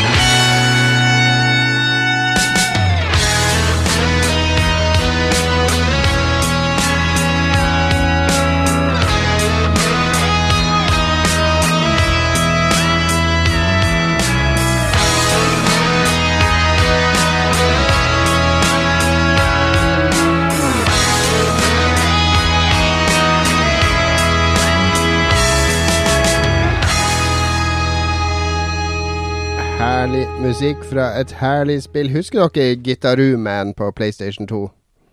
Eh, Ja, men jeg spilte det ikke så vanvittig mye, egentlig. Hva Har jeg gått glipp av noe stort? Jeg spilte det masse, masse, masse. Det, det er kjempeartig spill. Ja, jeg spilte det litt, jeg òg. Og helt strålende musikk i det. Den her temasangen der er uh, en tear-jerker av dimensjoner. det var uh, arkade... Hva sa du? Det var, det var et arkadespill òg, var det ikke det? Eh, Get Roo Man. Nei, nei, det var, var et rent PS2-spill. Jeg innbilte meg at jeg spilte Ja, nei, det var kanskje ikke Get Roo Man, det. Hva det heter det andre? Det japanske Det er Konami gitar... Ja, det var det. Guitar Freaks. Ja, det var, det jo bare sånn gitar Det her var jo om han der eh, gutten med gitar ja, som blir challenged. Det er litt som Parappa the Rapper-klone, da, bare Ja. med mye kulere kontroll. Og, eh, og fantastisk kul musikk, da. Men eh, nok om Gitaru Man her og nå. Vi skal snakke om hva vi faktisk har spilt i det siste. Og eh, Magnus, du som har sittet inne i Sørlandets eh, egen eh, rorbu og kost deg. Ja. Har du ligget på skinnsofaen og spilt alt det her? Ja, den grusomme skinnsofaen. Um, eh, det er jo ikke noe eh, alt dette her i det hele tatt. Alt jeg har spilt, er The Witcher 2, som jeg begynte på forrige uke. Jeg har ikke blitt ferdig med det nå. Eh, jeg er straks ferdig med det, men eh, jeg ble litt grann sånn eh, eh, ehm, Jeg fikk litt Asperger i slutten der og begynte å eh, fokusere på eh, optimalt utstyr før jeg gikk videre, og ble egentlig Big mistake. Ja. Så, men eh, nå har jeg alt det beste utstyret, så nå er jeg klar for å bare frese gjennom slutten. da. Eh, ganske morsomt spill. Eh, jeg likte det godt. Tok seg veldig opp eh, i siste halvdel, syns jeg. Eh, eh, anbefales å komme seg gjennom The Witcher 2 før det blir for gammelt. Og det er egentlig ikke så lenge til. I hvert fall hvis du spiller på konsoll. PC-versjonen er ti ganger penere. Eh, er fort, be, for, ser fortsatt penere ut enn det meste på PS4, vil jeg påstå. Eh, ja, det er jeg faktisk enig i. Um, men uh, spillet er verdt å frese gjennom, uh, i hvert fall. Eh, det tar ikke så lang tid som jeg trodde. Jeg trodde det var et sånn 100-timersprosjekt. Uh, Det er mer fokusert. Fokusert. ja, det tok en kanskje 20-30 timer, kanskje. Raust. Eh, Meg som er proff, er 10-12. jo, men da Nei da. Har du ikke det utstyret jeg har, Jon. uh, uh, men, men uansett Skal vi sammenligne utstyr nå, er det det du sier? Ja. Du har ikke sett utstyret mitt? Nå ble det vel slibrig her i Lolbua, men det er greit. Ja, det er du som er inne på toerhumor her. Um, målet i hvert fall for eh, neste uke er å gå i gang med Wolf Among Us. For det, nå har jo, som vi så her i leserspørsmålene, har jo siste episode omsider kommet. Så Mhm. det tenkte jeg skulle spille gjennom nå til uka. Og uh, kanskje sette i gang med uh, Walking Dead sesong to også, som jeg også har spart litt på. Artig, artig. Men det får du snakke om etter vår eh, lille sommerferie. Det får jeg gjøre, vet du. Jeg kan si hva jeg har spilt. Jeg har lasta ned IOS-spill som heter Timberman. Eh, det, det går ut på Du er en tømmerhogger, så står det 2D retrografikk. Du har et svært tre som går rett opp på skjermen, og så en tømmerhogger som enten står til venstre eller høyre for treet og hogger. Hvis jeg trykker på venstre side av skjermen, så hogger han av en bolk fra treet der. Og hvis jeg trykker på høyre side, så hogger han av en bolk av treet fra høyre side. Og så kommer det selvfølgelig greiner ned etter hvert som du hogger biter av treet. Så det gjelder å ikke få greiner i hodet, så du må stå på rett side og hogge. Og så har du selvfølgelig sånn time-greier som går veldig fort ned, så du må hogge veldig fort. Det er basically Flappy Bird, bare at du hogger ned et tre i stedet for å fly gjennom sånne greier. Og det har Det spillet Det er sånn tominuttersspill. Ta frem, spille i to minutter og ta bort igjen på mobilen. Det er utrolig tilfredsstillende. Superstressende. Og når du kommer inn i sånn flyt der du kjører slalåm mellom greinene, så er det morsomt. Foreløpig har jeg fått 280 poeng eller noe sånt. Eh, jeg utfordra sønnen min på 13 til å slå meg. Han har ikke klart det ennå. Jeg er på topp på vennelista mi på IOS, så legg gjerne til Fleksnes i Gamesenter hvis dine Timberman-skills er eh, elite. Så, så får jeg en utfordring eller et mål å strekke meg mot. Jeg ser Lars sitter og laster det ned allerede nå. Da gleder jeg meg til å se det. Og så har jeg selvfølgelig gjort meg Spilt uh, Divinity Original Sin masse, masse, som jeg elsker, men det snakka jeg om i sted. Og så må jeg nemlig Jeg har uh, fader, fader Jeg har en uh, confession to make. Er det her eh, konfidensielt? Ja, det er ingen Ja. som hører det her. Jeg har spilt litt Heartstone det siste uka. Å, jeg tror du har gitt opp. Det, her var Det er jo ikke noe å satt her på innrømme, det hytta i morgentimene med, med yngstemann som sitter og ser på Dora på TV, og så har jeg vært litt for trøtt til å lese boka mi, og så tok jeg opp iPaden. Og så klikker jeg på det der, eh, Heartstone-ikonet, og så spilte jeg litt med prest, presten min, og det er akkurat som før. Det er verdens kuleste spill når jeg vinner. Det er verdens største møkkaspill når jeg møter en eller annen hunter eller rogue eller en annen som, eh, som får det optimale kortkomboen sin. Jeg syns Eh, kanskje ikke det er jeg har et vunnet en del. Jeg er bare på rank 17 eller noe sånt, men det er gøy. Det er gøy. Det er gøy. Det er gøy. Jeg tar tilbake alt jeg har sagt om Heartstone. Det er gøy. Yes! Ja, så bra. Jeg, jeg spilte, det også, spilte også Heartstone for første gang på i hvert fall et par uker nå eh, i Damores. Der sto jeg også opp og spilte Heartstone tre-fire runder. Det er overraskende kult. Jeg er ikke helt enig i at det er så dårlig hver gang jeg taper. Det er mer bare det er så ydmykende. Jeg blir bare så, så irritert for at min dekk ikke funker, Ja, funker ba- så bra ba, den gang. Jeg har bare lyst til å kaste Bare gi opp og slutte å spille Heartstone hver eneste gang jeg taper. Det er ordentlig ydmykende. Du blir så eid når du først taper, liksom, i det spillet. Men samtidig, når du først vinner, så er det jo fantastisk. Men feilen du har gjort, Jon, er jo at du solgte jo alle kortene av andre klasser, og så har du, sa du tidligere at du bare satsa på én klasse. Ja, jeg, kan, jeg har bare pris Eller jeg har bare basic-kortene til de andre, så, så jeg har bare prisdekken min. Da kan du jo ikke For det finnes jo masse decks hvor du kan klare deg uten legendaries og ditt og da. Så ja, ja. Jo da, jeg vet jo det. da Jeg begynte å snuse på å bygge opp litt dekks igjen, så jeg skal inn i arena, arena snart og prøve å vinne litt. Og jeg må vel kjøpe meg noen boostere og tenke.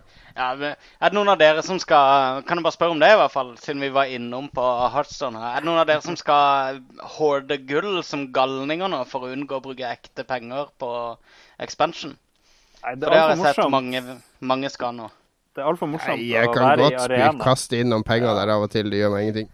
Ja, det er mye morsommere å være i arena og bruke pengene dine der enn å sitte og gnukke på de her eh, Du trenger jo bare Hvor mye koster expansion? 50-lapp eller 60 Nei, det er eller noe sånt? 120-lapp, tror jeg det kommer på Ah, okay. Så. Men det er ikke så Sønnen min fikk, uh, fikk booster i arena, og inni den boosteren så var det en golden legendary. Oi. Uh, ja, okay. Ja, den var verdt uh, jeg husker, Den var verdt mye dust hvis han dusta den. Ja, skulle bruke den til å crafte. Nei, men så bra. Ja vel. Eh, da er du ferdig med det du har spilt, Jon. Ja, jeg har ikke så mye mer å dele der. Ja, jeg kan meddele at uh, mitt kjøp av en helt splitter nye Amiga slash Commodore 64-kontroller fra amigakit.com, eller hva det heter, var en fantastisk investering. Ja, For den la du ut bilde av på Facebook, gjorde du ikke? Yep. Den er rød, og den er svær. Det ser ut som en sånn Arkade-kontroller, bare at den bare har to knapper som er akkurat det samme. En autofire og en stikke som lager de herligste lydene. Den har litt mye slakk. Den funker ikke hvis du skal spille der Decathlon og sånne ting, men hvis du skal f.eks. spille bilspill, så er den flott. Og da har jeg spilt Lotus Turbo Challenge og Supercars 2. Og eh, da vi hadde besøk av Blufsa slash Torbjørn her i eh, forrige uke, så spilte vi masse Supercars 2 og runda det. Det går ikke så lang tid, men det var fantastisk å spille Supercars igjen. Det husker jeg vi spilte nede på eh, hybelen min i Oslo. Og eh, Kontrollene er jo geniale. Du bare holder inn eh, skyteknappen for å akse, og så tar du fremover for å skyte f.eks. Ja, for det, du ser sånn top down, det er flere biler som kjører, så ser Ja. du hele banen ovenifra. Ja, det er litt sånn forløperen for uh, Slicks og Micromachines og de her Ja, det, det var en rip-off av. Supersprinta, Arkadespillet med de rattene. Ja, det var dritkult. Det brukte jeg så mye penger på. det Ja, har du kjørt oss Supersprint, Lars? Det, Det sånn det finnes jo en milliard du sånne så ovenifra. Men det kule med det var at de rattene hadde ikke noe start og slutt. Så hver gang du skulle svinge knapp, Ja. så bare slo du rattet så hardt du kunne nedover. Så bare Ja, roterte rundt, og så stoppa du det. Jo, jeg har sikkert spilt det. Det, det ringer en bjelle der, altså. Med fire ratt på. Var det ikke det? Ja. Eller jo? Jo. Ja. Nei, og det, det Men- var kjempegøy. Det som er litt rart det, Jeg har jo bare spilt det spillet kopiert, det her Supercars 2, eller sånn cracka versjoner og sånn. Og innimellom så kommer det jo de her spørsmålene. Du må på, eh, på de som kjørelærer og svare på spørsmål, eller hva nå enn det heter. Du havner hos Eller du havner hos en reporter om å svare på spørsmål. Er det sånn copy protection? Jeg lurer på om det er copy protection. Det er det helt sikkert. Hva spør de om? De spør om sånne syke ting. Why did the chicken cross the road? Og så er det bare sånn helt gale-Mathias-svar. ikke sant? Det er sikkert en uh, innovativ copy protection.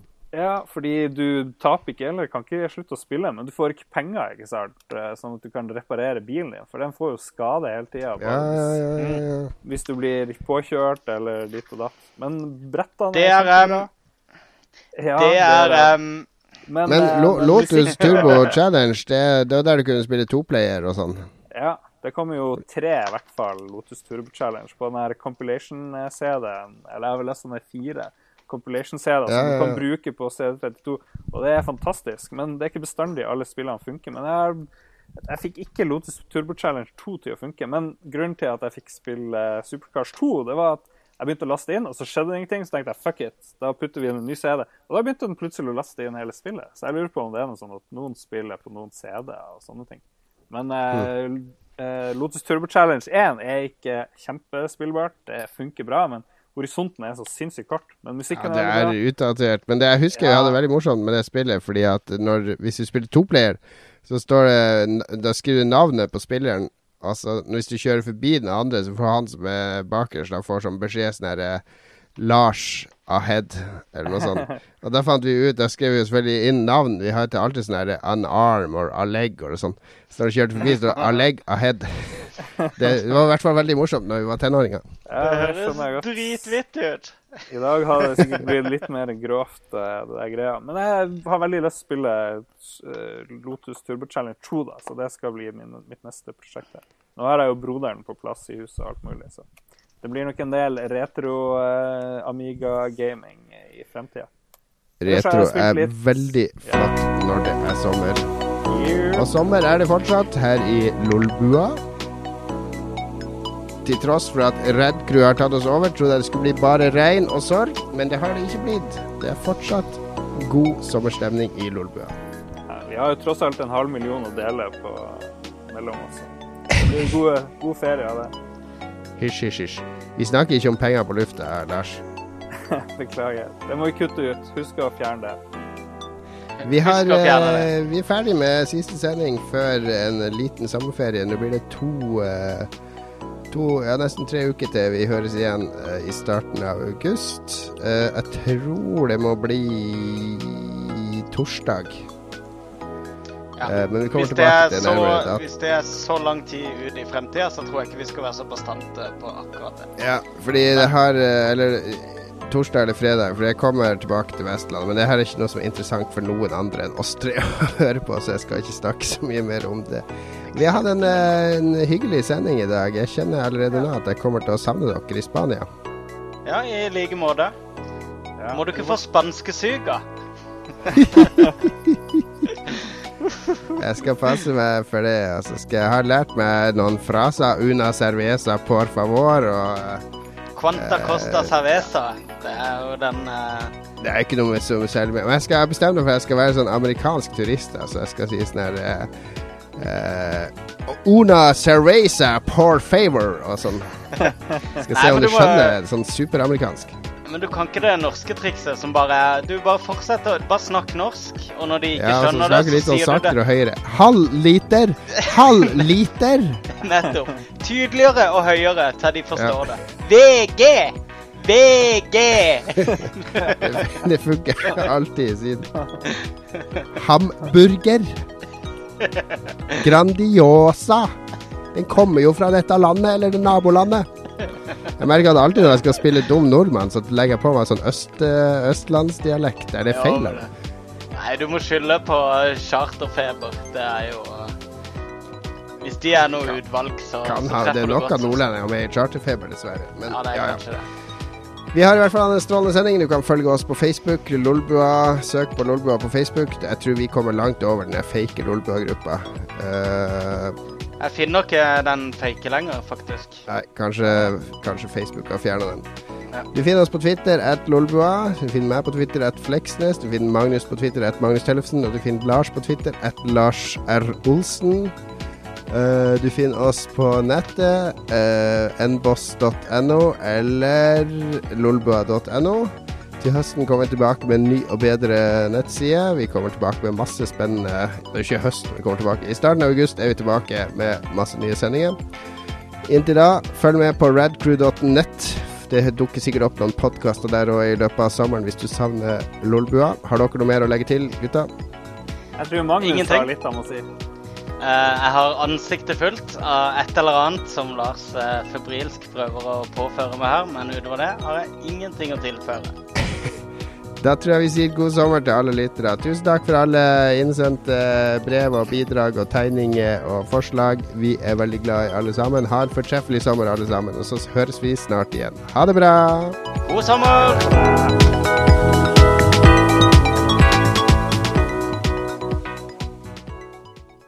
Har du et enkeltpersonforetak eller en liten bedrift? Da er du sikkert lei av å høre meg snakke om hvor enkelt det er med kvitteringer og bilag i fiken, så vi eh, gir oss her, vi. Fordi vi liker enkelt. Fiken superenkelt regnskap.